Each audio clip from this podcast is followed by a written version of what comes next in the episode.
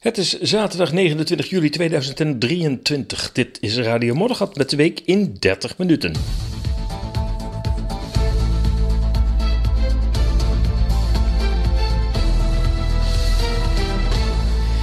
Ja, in deze uitzending nogmaals aandacht voor het interview van Oliver Stone met Vladimir Poetin. Bent u trouwens ook zo'n complotdenker? Nou, dan moet je, moet je even blijven luisteren.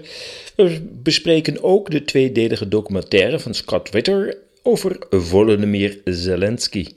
En sluiten af met de terugkeer van de wolf. Oh oh, en gevaren van de hybride wolf. En uh, ja, we beginnen met wat, uh, wat ditjes en datjes. Een beetje terugkijken op de afgelopen week. En dan kijk ik even naar uh, vorige week zaterdag, precies een week geleden. Toen was ik in de bossen bij, bij Leersum. Ehm, de Utrechtse Heuvelrug, om precies te zijn. En uh, daar was ik bij Boss Experience, een event dat nu al voor de derde keer werd georganiseerd. Door Peter van Asselt en zijn Poppencast. Zijn wekelijkse uh, uitzending op de zondagavond met ook nog wat extra uitzendingen door de week. Ik dacht dat het Paffy met Poppenkast heette. En uh, ja, dat is een ontzettend leuk event, een heel weekend lang. En centraal staat dan op de zaterdag ehm, een marathon Poppenkast, een, een, podcast. Met, ja, met heel veel verschillende gasten. En uh, ja, afgelopen keer uh, was het heel bijzonder dat, dat in Poppenkast een, zowel een agent als een tweetal demonstranten met elkaar in gesprek kwamen. Een van die demonstranten was Max, misschien zeg je de naam iets, wordt ook wel eens afgeschilderd als de fakkeldrager.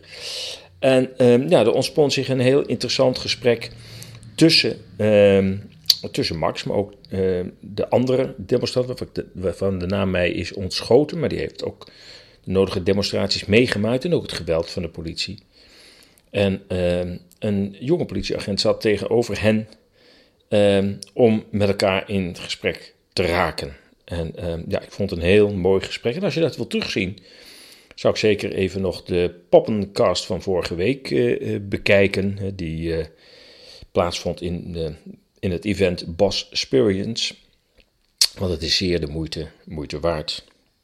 Ja, verder, uh, ja, ik, ik, las een artikel over, over het klimaat. Dat het toch eigenlijk best wel een flink bedrog is, dat hele gedoe met dat klimaat. En ja, er komen steeds meer serieuze wetenschappers die zeggen: ja, dat moet nou een keer afgelopen zijn met het alarmisme rond dat klimaat. En een daarvan um, is even kijken, Dr. John Clauser. En hij zegt, ja, het is, uh, het is misleidende klimaatwetenschap uitgezaaid tot een massale shockjournalistieke pseudowetenschap.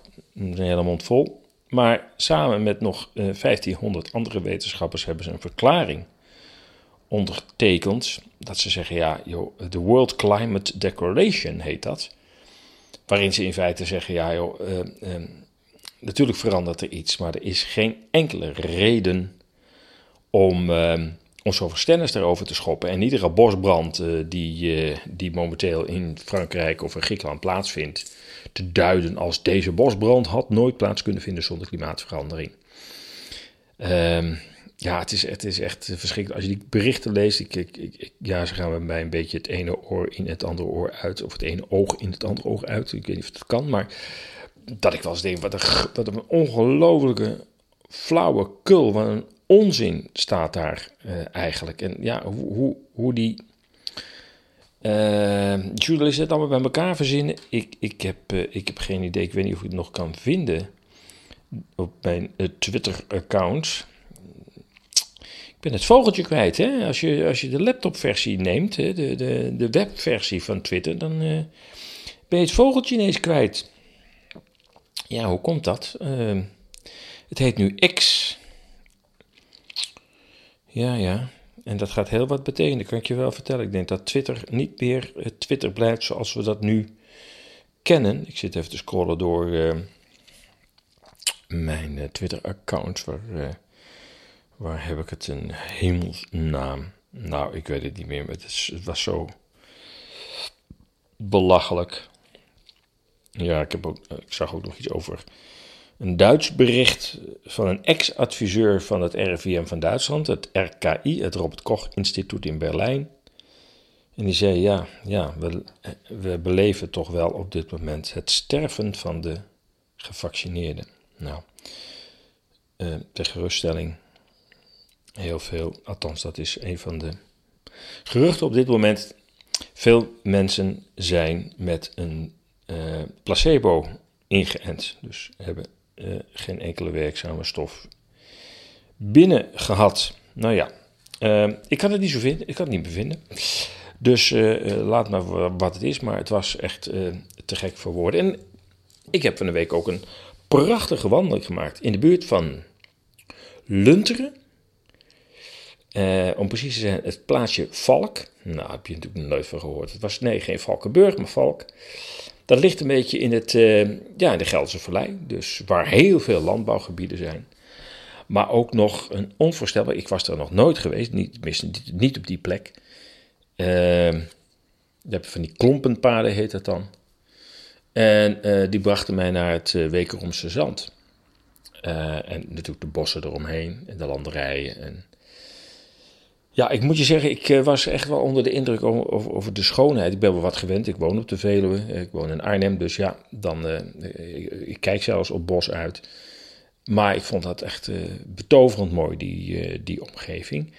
Ja, en wat me daarbij natuurlijk opviel, en ik denk, ja, dit is dus de Gelderse Vallei. Dat staat bekend als het, ja, nou ja, in ieder geval van Gelderland, het grote landbouwgebied.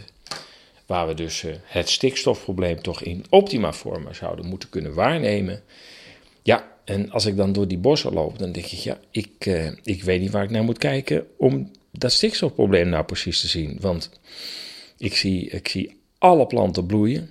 Uh, ik zie die bodem helemaal groen. Ik, ja, het is echt onvoorstelbaar. Wat mij ook heel erg opvalt, dat je de laatste jaren heel veel verschillende bloemen ziet. En die worden weliswaar voor een deel ingezaaid als borders langs landbouwgebieden. Maar dan denk ik, ja, als deze grote verscheidenheid, want er staan echt tientallen soorten door elkaar. Als die tientallen soorten allemaal zo goed gedijen echt aan de rand van een akker. Gewoon, daar zit nog geen 20 centimeter tussen. Als, als dit allemaal zo kan bloeien, wat is dan het probleem?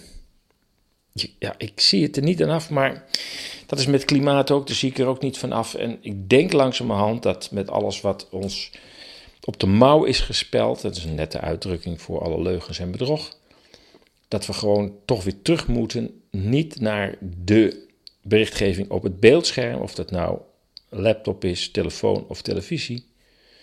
Maar gewoon, we moeten afgaan op onze eigen waarneming. Wat zien wij precies? En uh, zolang dat niet alarmerend is, is er dus vooralsnog niks aan de hand. En natuurlijk zeggen ook die wetenschappers waar ik het net over had, het klimaat verandert wel degelijk. Maar ja, Kijk eens een aantal eeuwen terug, dan zie je gewoon een golfbeweging van stijgen en dalen van in ieder geval de temperatuur. En dan nog is dat ook per regio verschillend. Dus daar waar het klimaat verandert in de zin van dat er meer regen valt, toevallig ook nog wel in de droge gebieden in Afrika. Uh, en andere uh, uh, gebieden worden er weer wat droger. Dat betekent dat de effecten van klimaatverandering overal anders zijn. Dus iets generieks kun je er eigenlijk helemaal niet over roepen.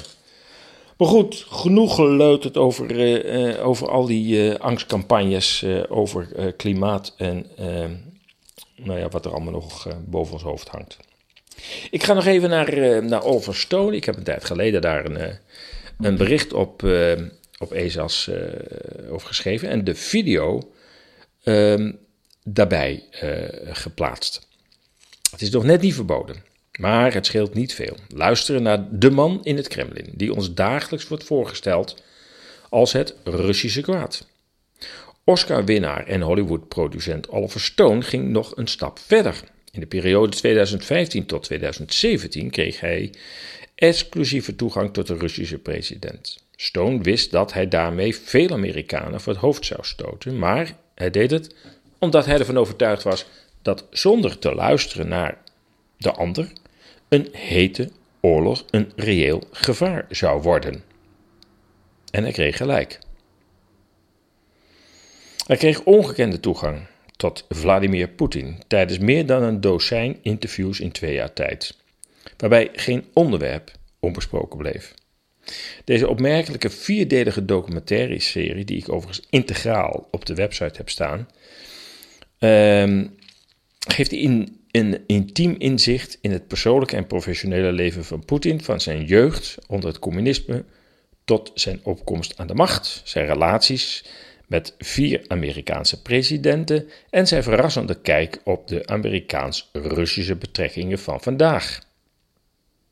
De annexatie tussen aanhalingstekens van de Krim, de verhoudingen met Oekraïne, de relatie met Donald Trump. Het komt allemaal voorbij. U heeft mijn vraag nog niet beantwoord, zegt Stone op een bepaald moment in een interview. Want ofschoon Poetin alle gelegenheid krijgt om uit te praten, wil Stone toch wel echt het naadje van de kous weten en vraagt ook regelmatig door. Ik heb die lange zit uitgezeten, want het duurt bijna vier uur. Vier uur Russisch in mijn oren, maar gelukkig ook ondertiteld. Want mijn Russisch is, nou ja, zeg maar, niet bestaand eigenlijk. Het maakt dat Poetin in plaats van Engelse soundbites in zijn eigen taal de nuance kan aanbrengen in de veelal sensitieve onderwerpen. Grote bewondering heb ik voor de jonge tolk die een levendig gesprek door zijn snelle vertaling vloeiend liet verlopen. Ik heb eerlijk gezegd niet veel eerder zoveel van eh, deze Russische president gezien en af en toe een korte toespraak op de persconferentie. Maar wat me bij die gelegenheden opviel, was zijn rust, zijn beheerste antwoorden. Hij beschikt over veel detailkennis en kent zijn feiten. Hij is bekend, of het is bekend dat de opleidingen in Rusland degelijk zijn en daar lijkt Poetin in zijn opleidingsjaren ook van geprofiteerd te hebben. Er lijkt werkelijk geen onderwerp dat niet besproken kan worden. Afghanistan, Syrië, de Krim, Oekraïne. Zijn plakken aan de stoel van de macht is ook een onder, eh, onderwerp waarover Stone hem indringend ondervraagt. Zoals: waarom blijft u zo lang aan de macht? Het is niet de tijd om Poetin in een positief daglicht te plaatsen. Zeker niet nu er een oorlog gaande is in Oekraïne. Maar luisteren kan natuurlijk nooit kwaad. En wellicht dat deze serie interviews bij sommigen verkeerd valt. Ik zou hen dan ook willen zeggen dat er niet zoiets bestaat als een good cup, bad cup. Zoiets bestaat alleen in Amerikaanse films. Helaas is dat simplistische denken ook in onze op de Verenigde Staten gerichte media geslopen. Geen tijd of zin in het verklaren van achtergronden, context of historie. Allemaal ballast. Het zwart-wit schema werkt het best. Ik daag u uit om, deel te om, om, om tijd te nemen om te luisteren naar deze serie uh, uh, interviews van Oliver Stone. Oordelen is natuurlijk makkelijk, juichen voor heldendaden van anderen ook. Maar ondertussen wordt het Oekraïense volk en soldaten van diverse strijdkrachten opgeofferd. Ik las gisteren 310.000 Oekraïense soldaten om het leven gekomen, militairen. 310 duizend. Het is afgrijzelijk. Nou ja, uh, opgeofferd aan de ambities van macht en kapitaal. Want uiteindelijk gaat het daarom. Opgejut door de media schreeuwt het volk om oorlog. Ik wens u veel moed om deze hele bijna vier uur durende documentaire interview uit te zitten. Of u te ergeren, ervan te leren, of het gewoon voor kennisgeven aan te nemen. Maar u kunt in ieder geval zeggen dat u de moeite heeft genomen de andere kant van het verhaal te horen. Dus kijk even op de website esas.nl, daar staat het interview van uh, Oliver Stone met Vladimir Poetin. Je hebt er een hele avondprogramma eigenlijk aan, een soort uh, zomeravond. U kent het programma wel van de, de VPRO.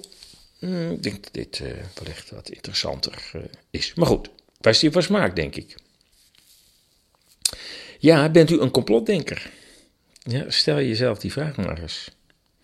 Het Vrije Westen is sinds de aankondiging van het nieuwe normaal dat toevalligerwijze samenviel met de uitbraak van een virus, nog nooit zo onvrij geweest. Voor hen die meegaan in, het voorgeschreven, in de voorgeschreven verhalen over actuele thema's, is dat helemaal niet merkbaar. Wie zich niet beweegt, bemerkt de ketenen niet, zeiden ze ooit in de DDR. Maar wie zich uitspreekt, heeft een probleem. Die ontmoet censuur, discreditering en oordelen van pseudowetenschappers. Vanaf 24 augustus gaat de Europese Unie, u weet wel, dat prachtige project waar we allemaal uh, voor hebben staan juichen, althans de meeste van ons, um, dat gaat de censuurkraan aandraaien vanaf 24 uh, augustus. Ik uh, heb een artikel geschreven naar aanleiding van een veel langer artikel van Elze van Hamelen. Elze, Elze is een uh, onderzoeksjournalist en daarnaast ook uh, regelmatig werkzaam schrijvend voor de andere krant. Um, zij wil een bijdrage leveren aan een mooiere wereld door beter om te gaan met elkaar en met de natuur, schrijft ze op haar website. Voor een transitie naar een leefbare toekomst is volgens Else op dit moment het bewust worden van de geopolitieke, sociale en spirituele realiteit, het oppakken van persoonlijk leiderschap en het herwinnen van democratie van het grootste belang. Elze maakt zich al enige tijd zorgen over het vastgelopen gesprek van wetenschap, journalistiek, politiek en het maatschappelijk debat.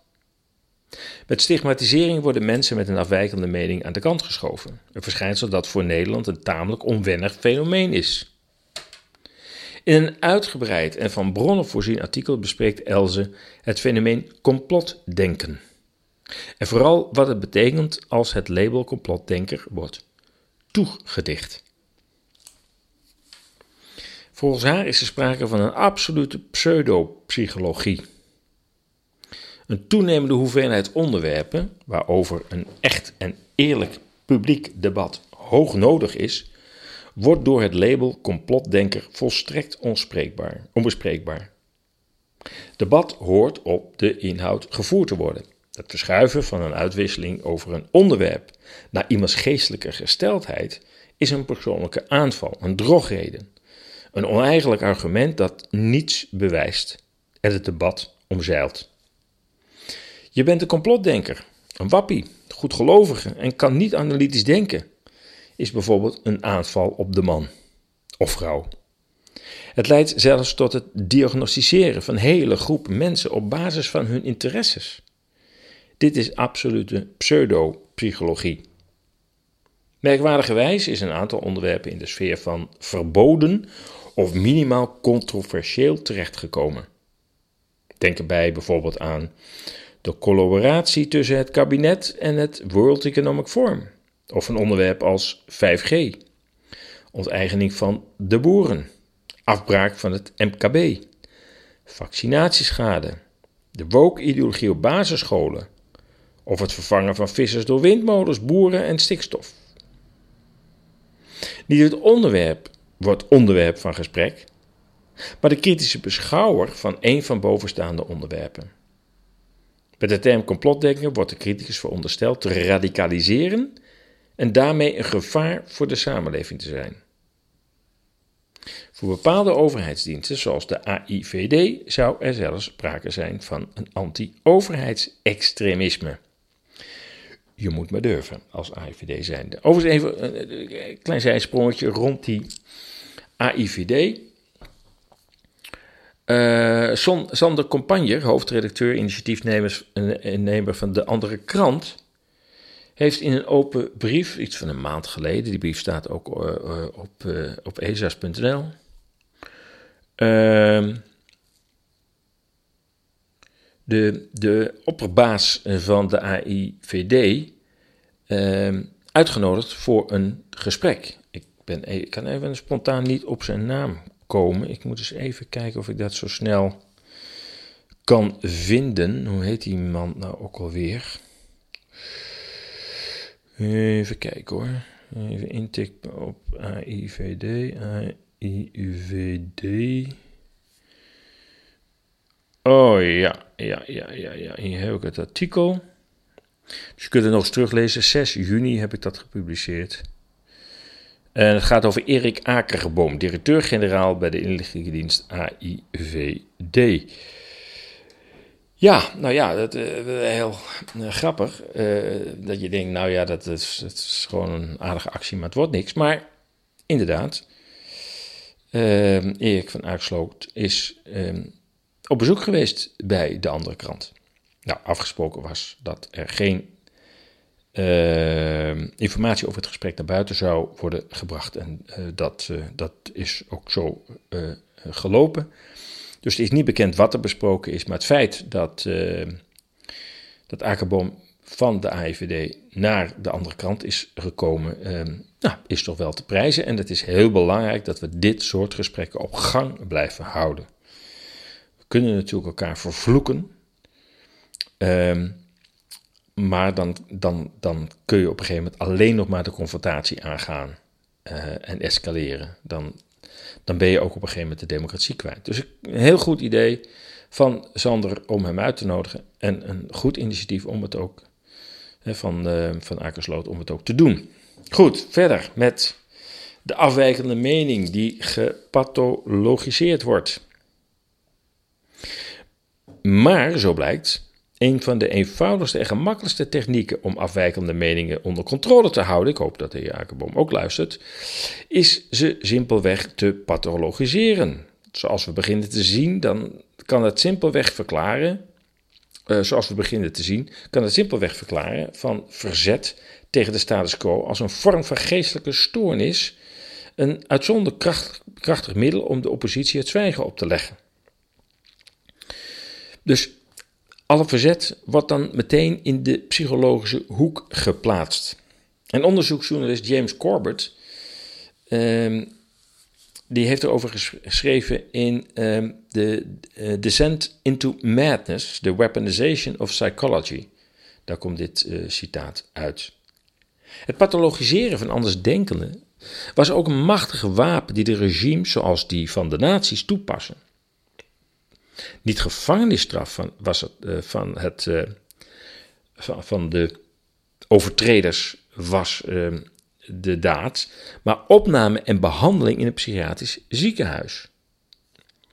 Deze aanpak is ook enkele maanden in Duitsland en Zwitserland gesignaleerd tijdens de COVID-periode. In Duitsland ging het om, ehm, om een advocaat die vrij in het begin van de COVID-tijd, in 2020 nog, een rechtszaak tegen de Duitse staat wilde uh, beginnen. Omdat ze zei, ja, wat er nu gebeurt is in strijd met de Duitse grondwet. Ja, die kreeg bezoek aan de deur en die werd voor gek verklaard en die werd een aantal dagen in de psychiatrische kliniek van Heidelberg opgenomen. En ook in Zwitserland werd een arts die meende dat het toch anders zat met COVID dan werd beweerd, werd ook opgepakt en medisch letterlijk met medicamenten behandeld. Ja, dat zijn natiepraktijken, ik kan het niet anders noemen. Met deze methode worden critici geïsoleerd en voor gek weggezet, met als gevolg dat de omgeving afstand gaat nemen van de patiënt. Dit verklaart wellicht waarom hele groepen geneigd zijn blind autoriteiten, oftewel de factcheckers, de massamedia en de overheid te volgen. De angst voor verstoting verlies van vriendschappen of relaties is groot. En soms gaat ook de psychiater zelf spoken zien. Want naast de media heeft ook de wetenschap, de wetenschap tussen aanhalingstekens, vertel mij maar wat dat dan precies is. Dus heeft ook de wetenschap veel mensen teleurgesteld. Nadat psychiater Wim Veling en collega's van de Rijksuniversiteit Groningen um, tijdens de coronaperiode um, complotdenkers vergeleken met mensen die aan een psychotische, uh, aan psychotische wanen lijden, hebben zorgprofessionals en de media zich massaal op dit nieuwe type mens gestart. Ja, een nieuw type mens, de complotdenker. Ze zetten de complotdenker weg als een psychiatrisch geval dat gevaarlijk is en door de overheid in de gaten moet worden gehouden en desnoods opgesloten. Zelfs sommige Kamerleden worden in deze categorie geplaatst. Zelden of nooit wordt inhoudelijk ingegaan op de bewering van de complotdenker. Zijn complotdenkers psychotisch? Vroeger psychiater en professor bij de Rijksuniversiteit, die meneer Wim Veling, eh, zich af. Samen met twee andere psychiaters deed hij dat. En er waren ook nog psychologen en sociologen bij betrokken. En die vroegen zich dat af in de tijdschrift voor psychiatrie in november 2021. Het artikel kreeg binnen en buiten de zorgsector ruime aandacht en is blijven rondzingen. De zorgkrant vatte samen: complotdenkers zijn niet psychotisch. De krant zegt, zegt zich in te zetten voor digitale uitwisseling van kennis en ervaring binnen de Nederlandse zorg- en welzijnssector. Echter, ze schreven, en ik citeer: complotdenkers hebben veel overeenkomsten met mensen die lijden aan paranoïde wanen. Ja, dus mocht je daarin herkennen dat je denkt: ik heb paranoïde wanen, uh, ik ben soms ook wat psychotisch. Uh, ja, dan, uh, dan weet je dat je een echte, een echte complotdenker bent. En uh, nou, ook bij de psychiatrie, een psychiater terecht kunt voor hulp. Enfin. Ik raad je in ieder geval aan dat artikel te lezen op esas.nl. Dat is nog veel langer dan wat ik nu hier aan je voorlees. Maar um, als je dan nog veel meer wil weten, staat er ook een link naar het oorspronkelijke artikel van Else van Hamelen. En dat is, uh, dat is nog uitgebreider. Uh, maar zeer, zeer lezenswaardig. Ja, ik had het net even in dit artikel over de Kamerleden. Ik moet zeggen, dat, uh, dat gaat uh, langzamerhand wel heel erg hard. Iedereen rent weg mensen van de regering, eh, maar ook leden van de Tweede Kamer. Wat, ja, steeds meer mensen vragen zich af, joh, wat, wat, wat is dit precies? Ja, sommige mensen zeggen, ja, ja, het is logisch dat, dat het ververst. Maar ja, waarom gaat het zo hard op dit moment? En ook van alle partijen. Nou, niet alle partijen. PVV uh, hoort niks en uh, Vorm voor Democratie ook niet. Um, dat is toch wat denk, hoorde ik iets, een jaar 21 en uh, bij, het CDA gaan ze geloof ik. En uh, ik weet niet wat ik allemaal voor partijen en, en, personen voorbij heb zien treden, maar dat zijn er al heel wat inmiddels. Wat is er in godsnaam aan de hand? Ja, sommige mensen zeggen ja, uh, dat kan een indicatie zijn van wat er nog aanstaande is. Hè, dat ze weten dat er nog iets gaat gebeuren waar ze geen onderdeel van willen zijn. Kan kan ook zijn dat het te maken heeft, en in die hoek zit ik een beetje, met de totaal verziekte verhoudingen die Rutte in 13 jaar tijd, niet alleen binnen het kabinet, niet binnen, alleen binnen het parlement, maar eigenlijk in heel Nederland tot stand heeft gebracht.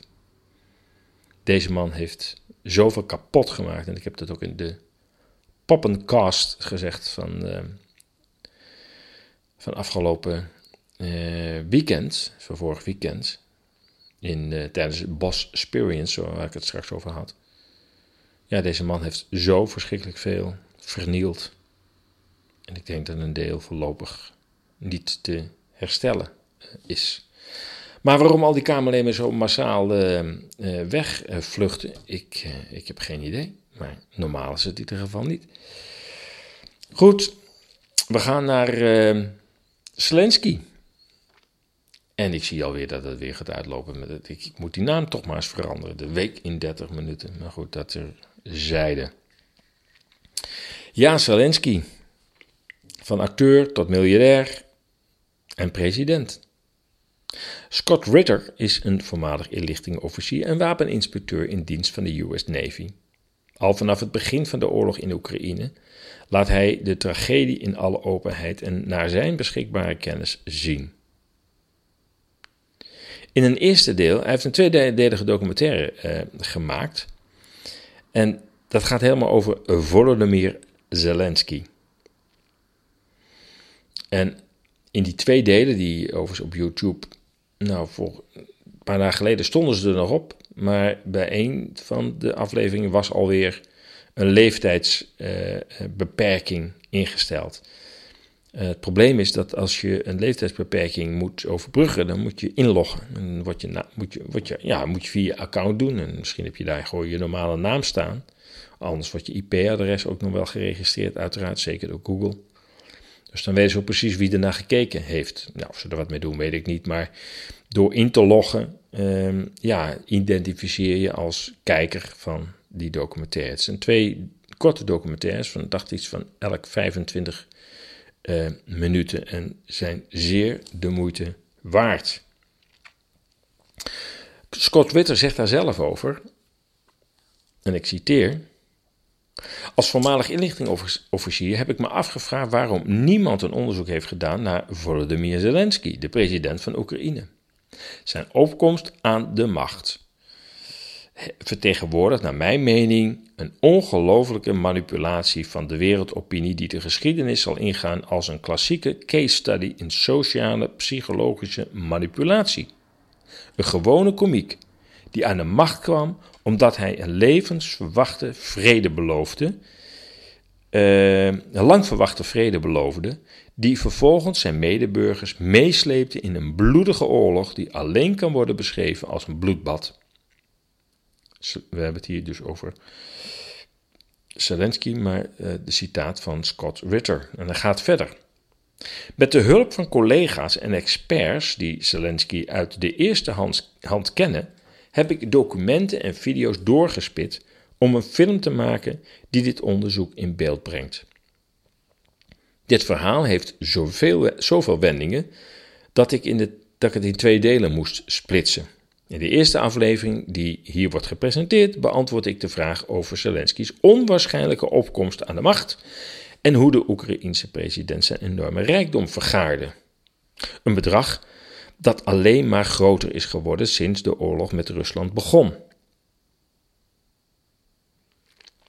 En, zo gaat hij verder, misschien wel het belangrijkste, waarom ik besloot om deze film Agent Zelensky te noemen.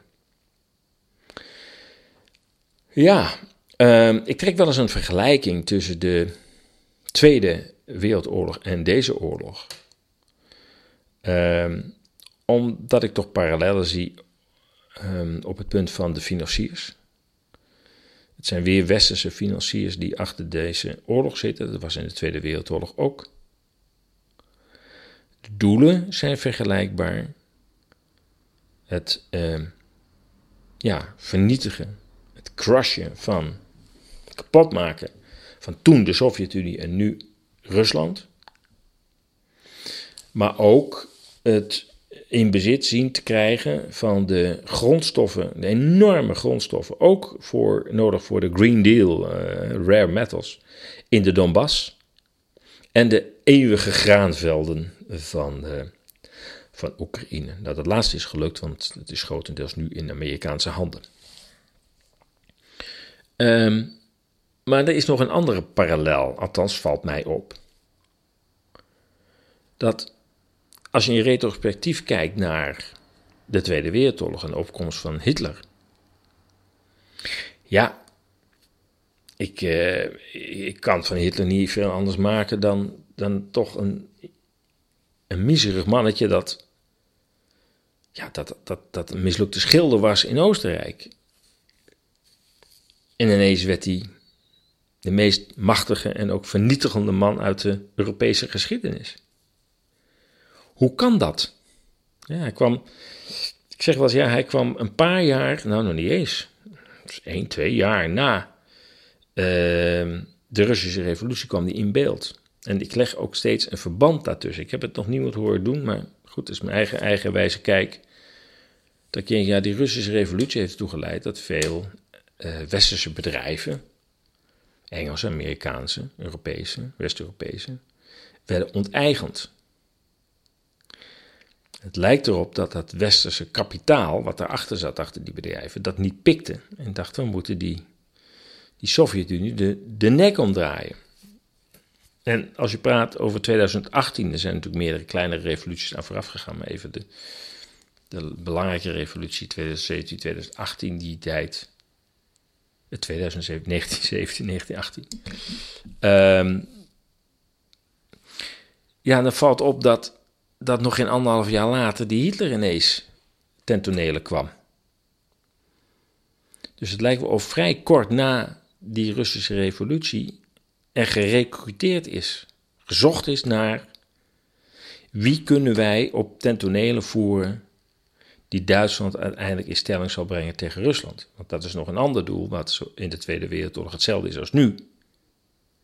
Duitsland moet zelf ook kapot. Dat is een harde conclusie die ik trek, maar dat is mijn mening. Ik denk dat wat je nu ziet is dat door westerse uh, krachten, vooral Amerikaanse krachten, die Duitsland als motor van een Europese Unie als steeds meer als een bedreiging zag, het eigenlijk ook al was, zeker toen ze gingen profiteren van het goedkope en zekere aardgas van Rusland, toen was voor Amerika de maat vol. En dan zie je dat men nu ook Duitsland eigenlijk goed te grazen neemt door de energievoorziening af te knijpen. Maar ook te dwingen om mee te doen in de oorlog tegen Rusland, waarvan de Amerikanen natuurlijk ook wel weten dat het, dat het extreem gevoelig ligt, zowel in Duitsland als in, in, Rusland. Um, en ook Duitsland min of meer onder druk zet om voor 100 miljard aan wapens te kopen. Veel ook Amerikaanse wapens. Nou ja, je ziet dat Duitsland heel erg worstelt met die energieproblematiek. Uh, uh, destijds valt zo af en toe eens uit. En ja, men heeft geen voldoende backup voor wind- en zonne-energie. Uh, dus je ziet die, die overheid er enorm mee worstelen. Maar inmiddels ja, komen toch steeds meer artikelen ook in diverse kranten. Van ja, ehm, ik ga er binnenkort een artikel over schrijven we hebben nog steeds acht centrales, kerncentrales, die we binnen een half tot een heel jaar weer op zouden kunnen starten. Um, kortom, um, ja, dat woord kernenergie valt weer in Duitsland. Nadat het overigens heel lang in discrediet was gebracht. Vooral in de tachtige jaren waren er heel veel protesten tegen kernenergie. Maar goed, we zijn er weer uh, meer dan 40 jaar later en uh, er is nogal wat gebeurd, ook op het gebied van, uh, van technologie. Maar goed, um, ja, en dat andere punt is, ja, Hitler werd min of meer gecast en ik las ook ergens dat, dat hij ook is getraind in zijn, in zijn spreekvaardigheid. En ja, ook zijn eh, enorme marketing, want het is gewoon marketing. Alles wat hij deed met, met, met ja, als je nog, ik ben in Nuremberg geweest, op dat, volgens mij heet dat Zeppelinveld, als ik het goed heb. Waar hij zijn toespraken uh, uh, hield. Waar honderdduizend man in het gelid staat en allemaal vlaggen en, en, en, licht en, en, en vuur. En ja, dat was allemaal zo tot in de puntjes was dat allemaal verzorgd. Dat was marketing. Uh, avant lettre zou je kunnen zeggen. PR, propaganda. Ja, ehm, die man is dus zeg maar in het zadel gehezen om deze taak uit te voeren. En ik zie dat met Zelensky precies hetzelfde. En als je die twee documentaires uh, ziet van Scott Ritter, dan zie je ook dat na de staatsgreep in 2014, Maidan, uh, in 2015 er ineens een televisieserie begon over Zelensky die als leraar ervan droomde president te worden van Oekraïne. Nou ja. Ja, die werd dus, ja, weliswaar naar, ja, met middelen van deze tijd. Maar hij werd net zo gecast en gepromoot en gegroomd. Om uiteindelijk um, ja, die positie in te nemen. Om zijn land in oorlog te starten met Rusland. En ik uh, hoorde tegenwerping, ja nee, met Rusland is het toch begonnen. Ja, Rusland is inderdaad als eerste de grens overgegaan. Maar er, er liggen drie decennia aan provocaties, leugens en bedrog en misleiding lig, gingen eraan vooraf van het Westen jegens Rusland. Goed, nogmaals, kijk op de website. Beide uh, um, um, afleveringen staan met een link erop. Dus, um, en er staat, volgens mij gaat dat naar Rumble of Odyssey, een van de twee. Want ja, je, bij YouTube heb je langzamerhand niks meer aan. Goed. Even over de digitale euro. Misschien heb je het gelezen. Als je lid bent van ESAS, dan heb je het artikel kunnen lezen. Een heel lang artikel. Dat is alweer uh, niet afgelopen vrijdag, maar de vrijdag ervoor geweest. Uh, over de digitale euro. En als je geen lid bent, kun je ook alsnog, trouwens, in de winkel, noem ik het dan maar, het, uh, het complete dossier van de digitale euro, de CBDC, kun je downloaden. Ik zou dus zeggen, uh, steun ESAS, want met uh, deze aankoop kun je, steun je toch ook het werk van ESA's. En je hebt een prachtig document over een heel uh, belangrijk onderwerp met uh, ja, uitgewerkt in heel veel aspecten. Het laatste onderwerp, ja, mag het na 40 minuten. Um, en dat is de wolf. Ik moet je zeggen, die, um, die wandeling die ik afgelopen week heb gemaakt, wat ik zei, uh, in de buurt van Lunteren. Ik heb er een foto van gemaakt. En ja, ik, dacht, dat is geen hondenpoot die ik hier afgedrukt uh, zie in het zand. Het lijkt toch, hij is veel te groot en heel anders dan ik ooit heb gezien. Ik weet niet of ik hem nog zo snel kan vinden, maar ik had echt zoiets van: ja, dit, dit, dit moet haast wel van de wolf zijn. Dat is op zich niet zo gek natuurlijk. Uh, ja, vijf, uh, vier ja, tenen en, groot, en dan een vijfde wat grotere aan de achterkant afdruk. En dan nog wat wat nagels, eh, maar met een behoorlijke omvang. Ja, helaas kun je de omvang natuurlijk op de foto niet zien. Ik had er iets na, naast moeten leggen, denk ik. Maar eh, in ieder geval, eh, had ik zoiets van, zou het de wolf zijn? Nou ja, hoe dan ook, hij is er. En hij is inmiddels verspreid over de hele Veluwe. En moeten we daar blij mee zijn? Want sinds enkele jaren is de wolf thuis in Nederland. Af en toe denk ik wel eens, geïntroduceerd om de boeren weg te pesten, maar dat gaat wel erg ver.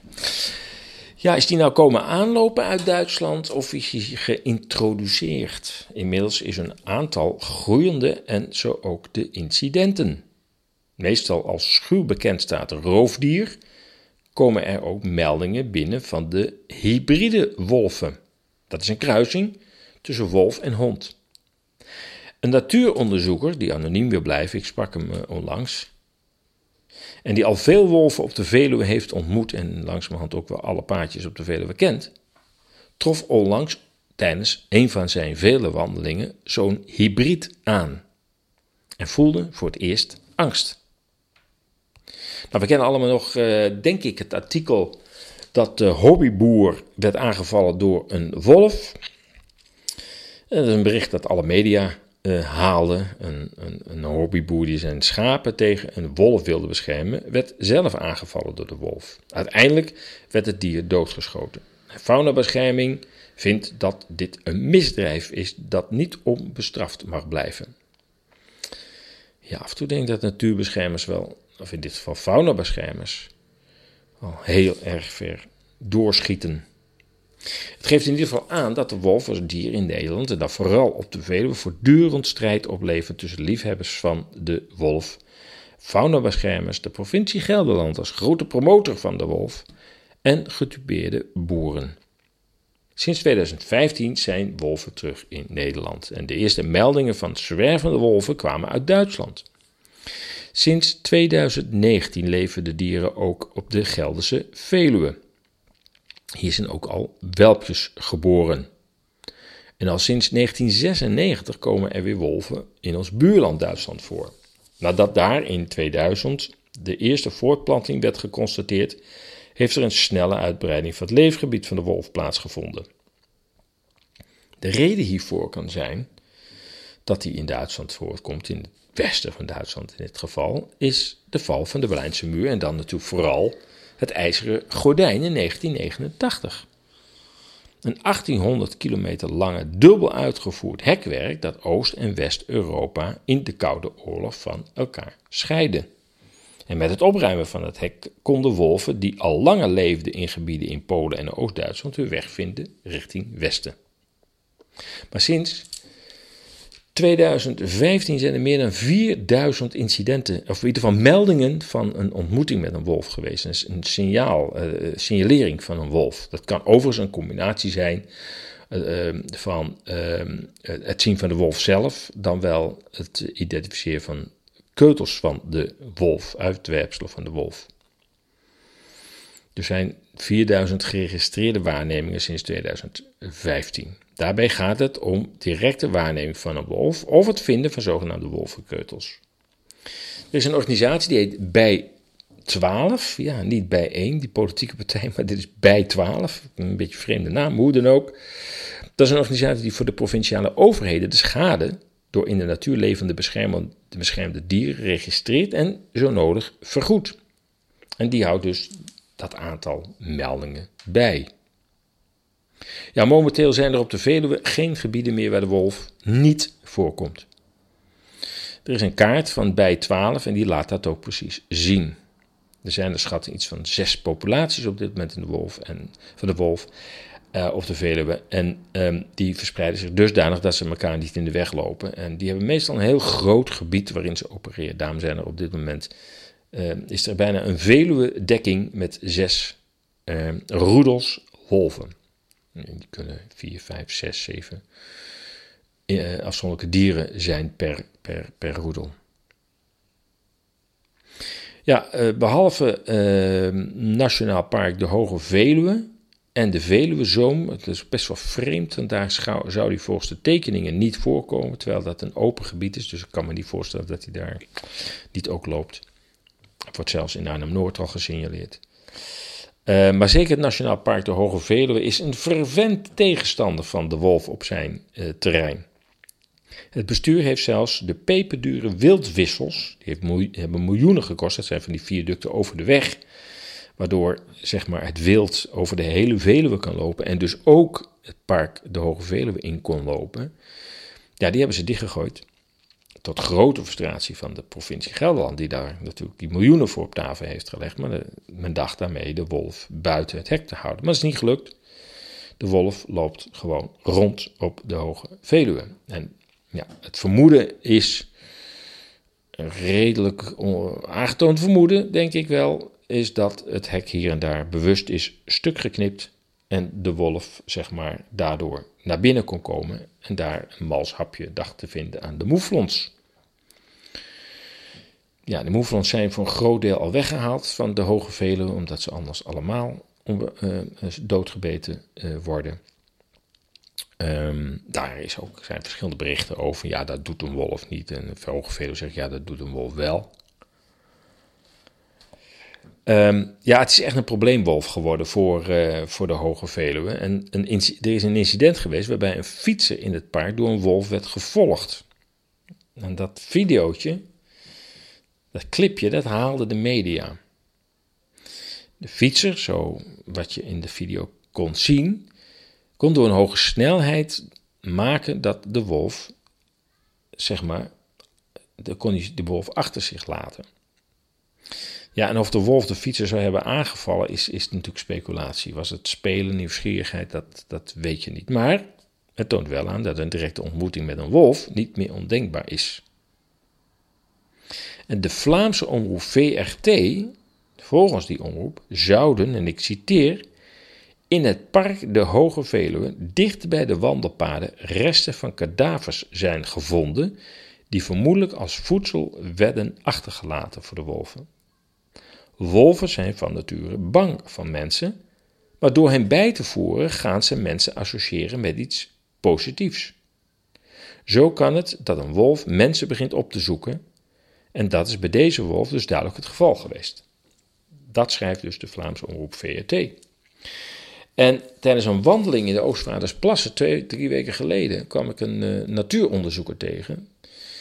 Ehm wie dus ook die hybride wolf tegenkwam, daar kom ik zo nog wel op. Um, en mij dat ook bevestigen. Die zegt, ja, hij zegt, uh, het is bekend dat uh, beheerders op de Hoge Veluwe, wildbeheerders op de Hoge Veluwe, bewust kadavers neerleggen. Ehm, van, op, op, op, zeg maar, eerst 40 meter van zichzelf en dan 20 meter, 30 meter van zichzelf en dan 10 meter van zichzelf. Om die wolf zeg maar, steeds meer vertrouwd te maken met de mens. Met als doel, ja, het klinkt heel cynisch, maar nogmaals, ik heb, de VET schrijft het, maar eh, ook die natuur. Uh, um, onderzoeker die overigens anoniem wil blijven, die heeft het mij bevestigd. Ja, het is, het is waar. Ze proberen een incident uit te lokken met een bezoeker van de Hoge Veluwe. Uh, en dat zou dan het moment kunnen zijn waarop zij toestemming krijgen om de wolf te elimineren op de Hoge Veluwe. Um, Nou ja, nogmaals, het komt van de Vlaamse Omroep VET en ook van een onafhankelijke ehm, natuuronderzoeker die over zegt: Ik heb helemaal niets tegen de wolf. Ik vind het fascinerend als ik hem tegenkom. Dus heeft helemaal niks tegen wolven. Uh, maar zegt ja, de Hoge Veluwe speelt nu wel heel erg hoog spel. Want het zou kunnen zijn dat die wolf niet alleen maar achter de fiets aanrent, maar ook uh, een keer een kind grijpt. Het kan. Over, over het videootje heb ik zelf ook nog wel wat vragen hoor. Want ik, uh, ik, ik, als je dat bekijkt, denk ik, ja. Hoe kan het dat die fietser op een racefiets ook nog met een. Nou, dat zal ongetwijfeld een telefoon zijn geweest. Al aan het filmen was op het fietspad. Waar, waarom doe je dat? Zo'n recht fietspad. Uh, camera wijkt dan een beetje, de telefoon wijkt dan een beetje naar links. En daar komt dan die wolf ineens tevoorschijn. Dan, uh, dan, dan, dan gaat hij sneller fietsen en dan draait die camera naar achteren en filmt dan ook die wolf um, dat hij achter die fiets aanloopt. En denk ik, uh, rent. En dan denk ik, ja, heb je daar op dat moment, als je op, op, op de vlucht bent een wolf, dan heb je toch twee handen aan het stuur. En hoe kun je dan in godsnaam dan toch nog met je telefoon achter je de wolf filmen? Ik weet het niet. Ik weet het niet. We worden zo, met zoveel dingen belazerd. Het zou me niks verbazen dat de Hoge Veluwe dat in scène heeft uh, gezet. En ook trouwens de dierenrechtenorganisatie, dus niet alleen de VET, niet alleen die onafhankelijke dieren, of, uh, natuuronderzoeken die ik heb gesproken, maar ook de dierenrechtenorganisatie Faunabescherming beschuldigt de directie van Nationaal Park de Hoge Veluwe ervan de wolf of meerdere wolven doelbewust tam te maken en heeft daarover een klacht ingediend. In het hele Veluwegebied komen nu verspreid wolvenpopulaties voor. Wolvenkenners kennen de diverse territoria, immers wolven zijn gebonden aan hun eigen territorium. Het interprovinciaal wolvenplan, dat uh, staat ook op de website overigens, wordt, uh, in dat plan wordt erkend dat wolven overlast en schade kunnen veroorzaken. In een schema worden diverse stadia van overlast uitgewerkt. Maar wat is er aan de hand? De hybride wolf is in opkomst. Volgens het interprovinciaal wolvenplan staat de veiligheid van de mens voorop. En toch lijkt dat in de praktijk anders te liggen. Zie de, het gedrag van de Hoge Veluwe.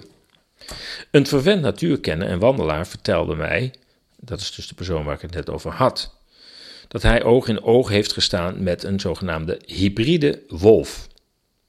Dat is een wolf die zich gekruist heeft met een hond.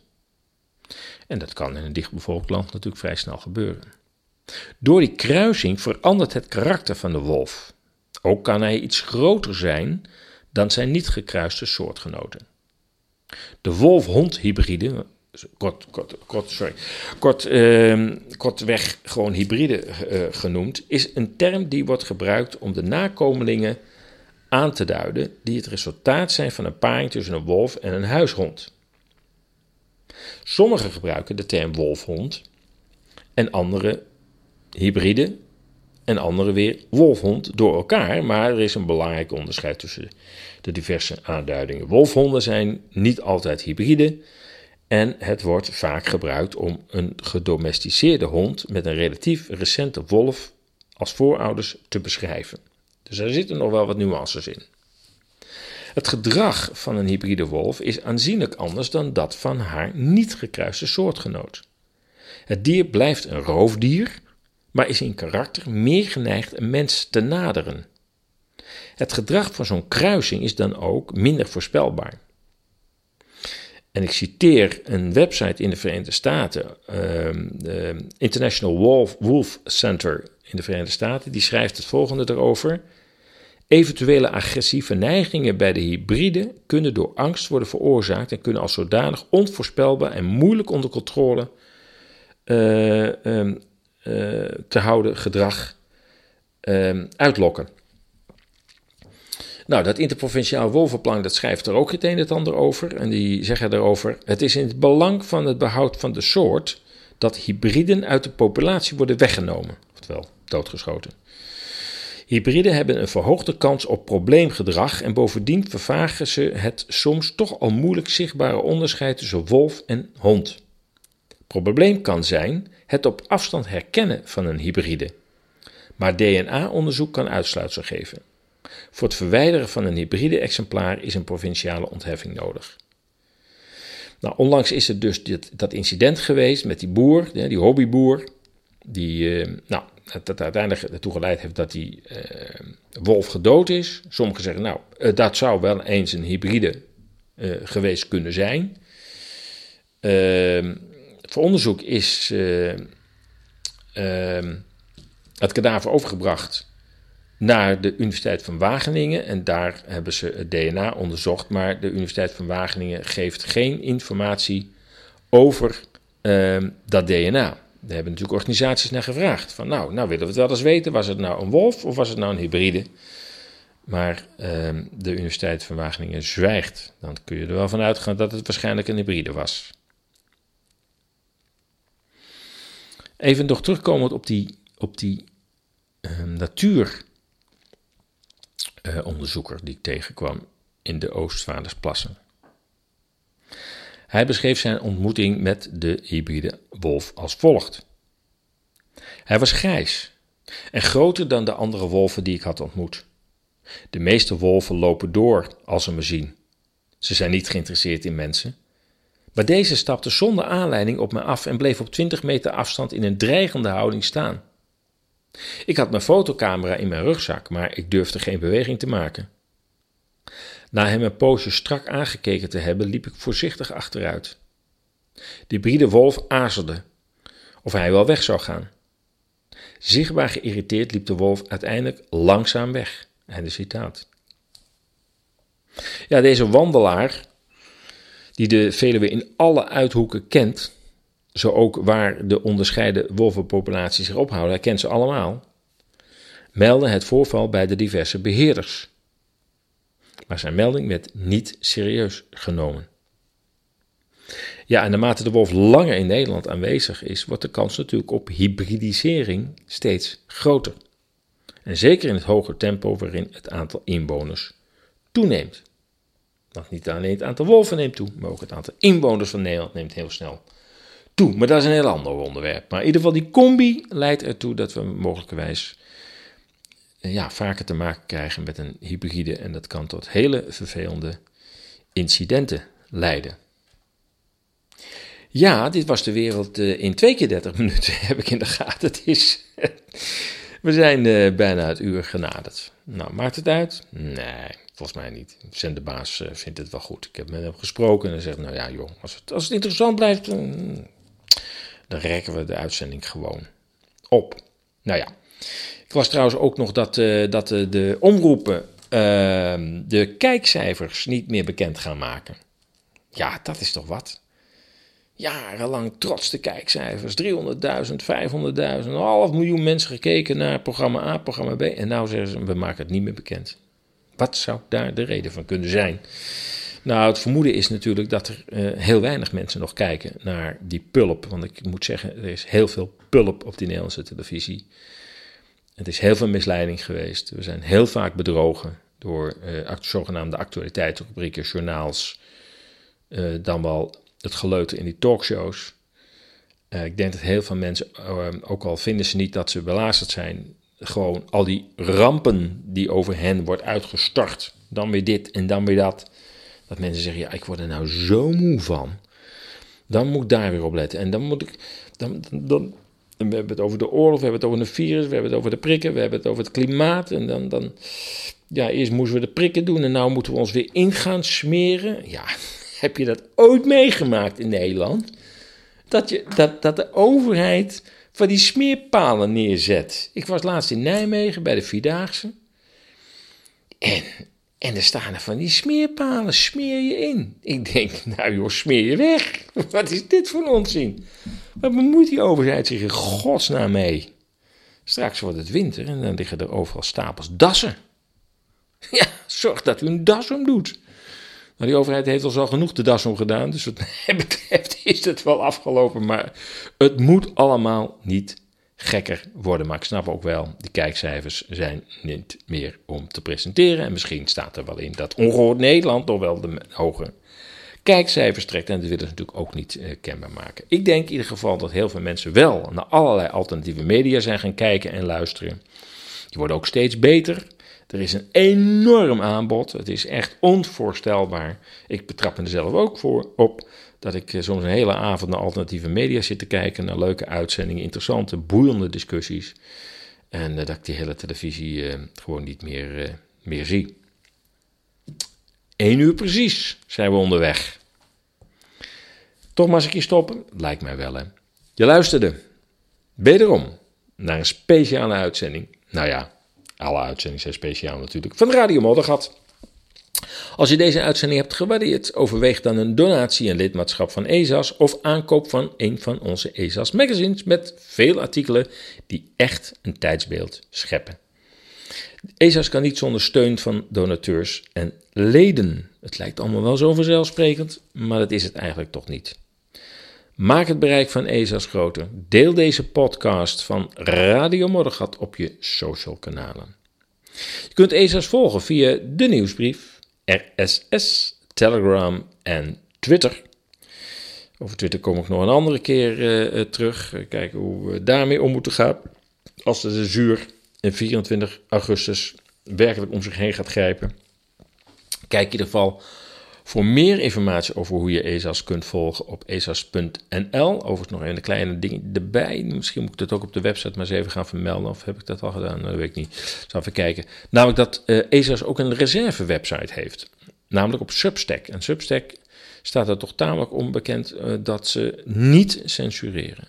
Tijdens COVID hebben ze ook artsen aan het woord gelaten die een totaal ander verhaal vertelden dan het officiële overheidsnarratief. Overal uh, vonden repercussies plaats, maar op Substack mochten al die artikelen blijven staan. Nou, inmiddels heeft ESAS daar ook een eigen plaatsje, esas.substack.com. Dus als het helemaal fout mocht gaan en de hoofdwebsite wordt eruit gehaald, gaan we door met Substack. En kan ik in de tussentijd ervoor zorgen dat de hoofdwebsite weer buiten de Europese Unie wordt geplaatst. Goed, ik wens je een goed weekend. Blijf waakzaam, blijf sterk en tot volgende week.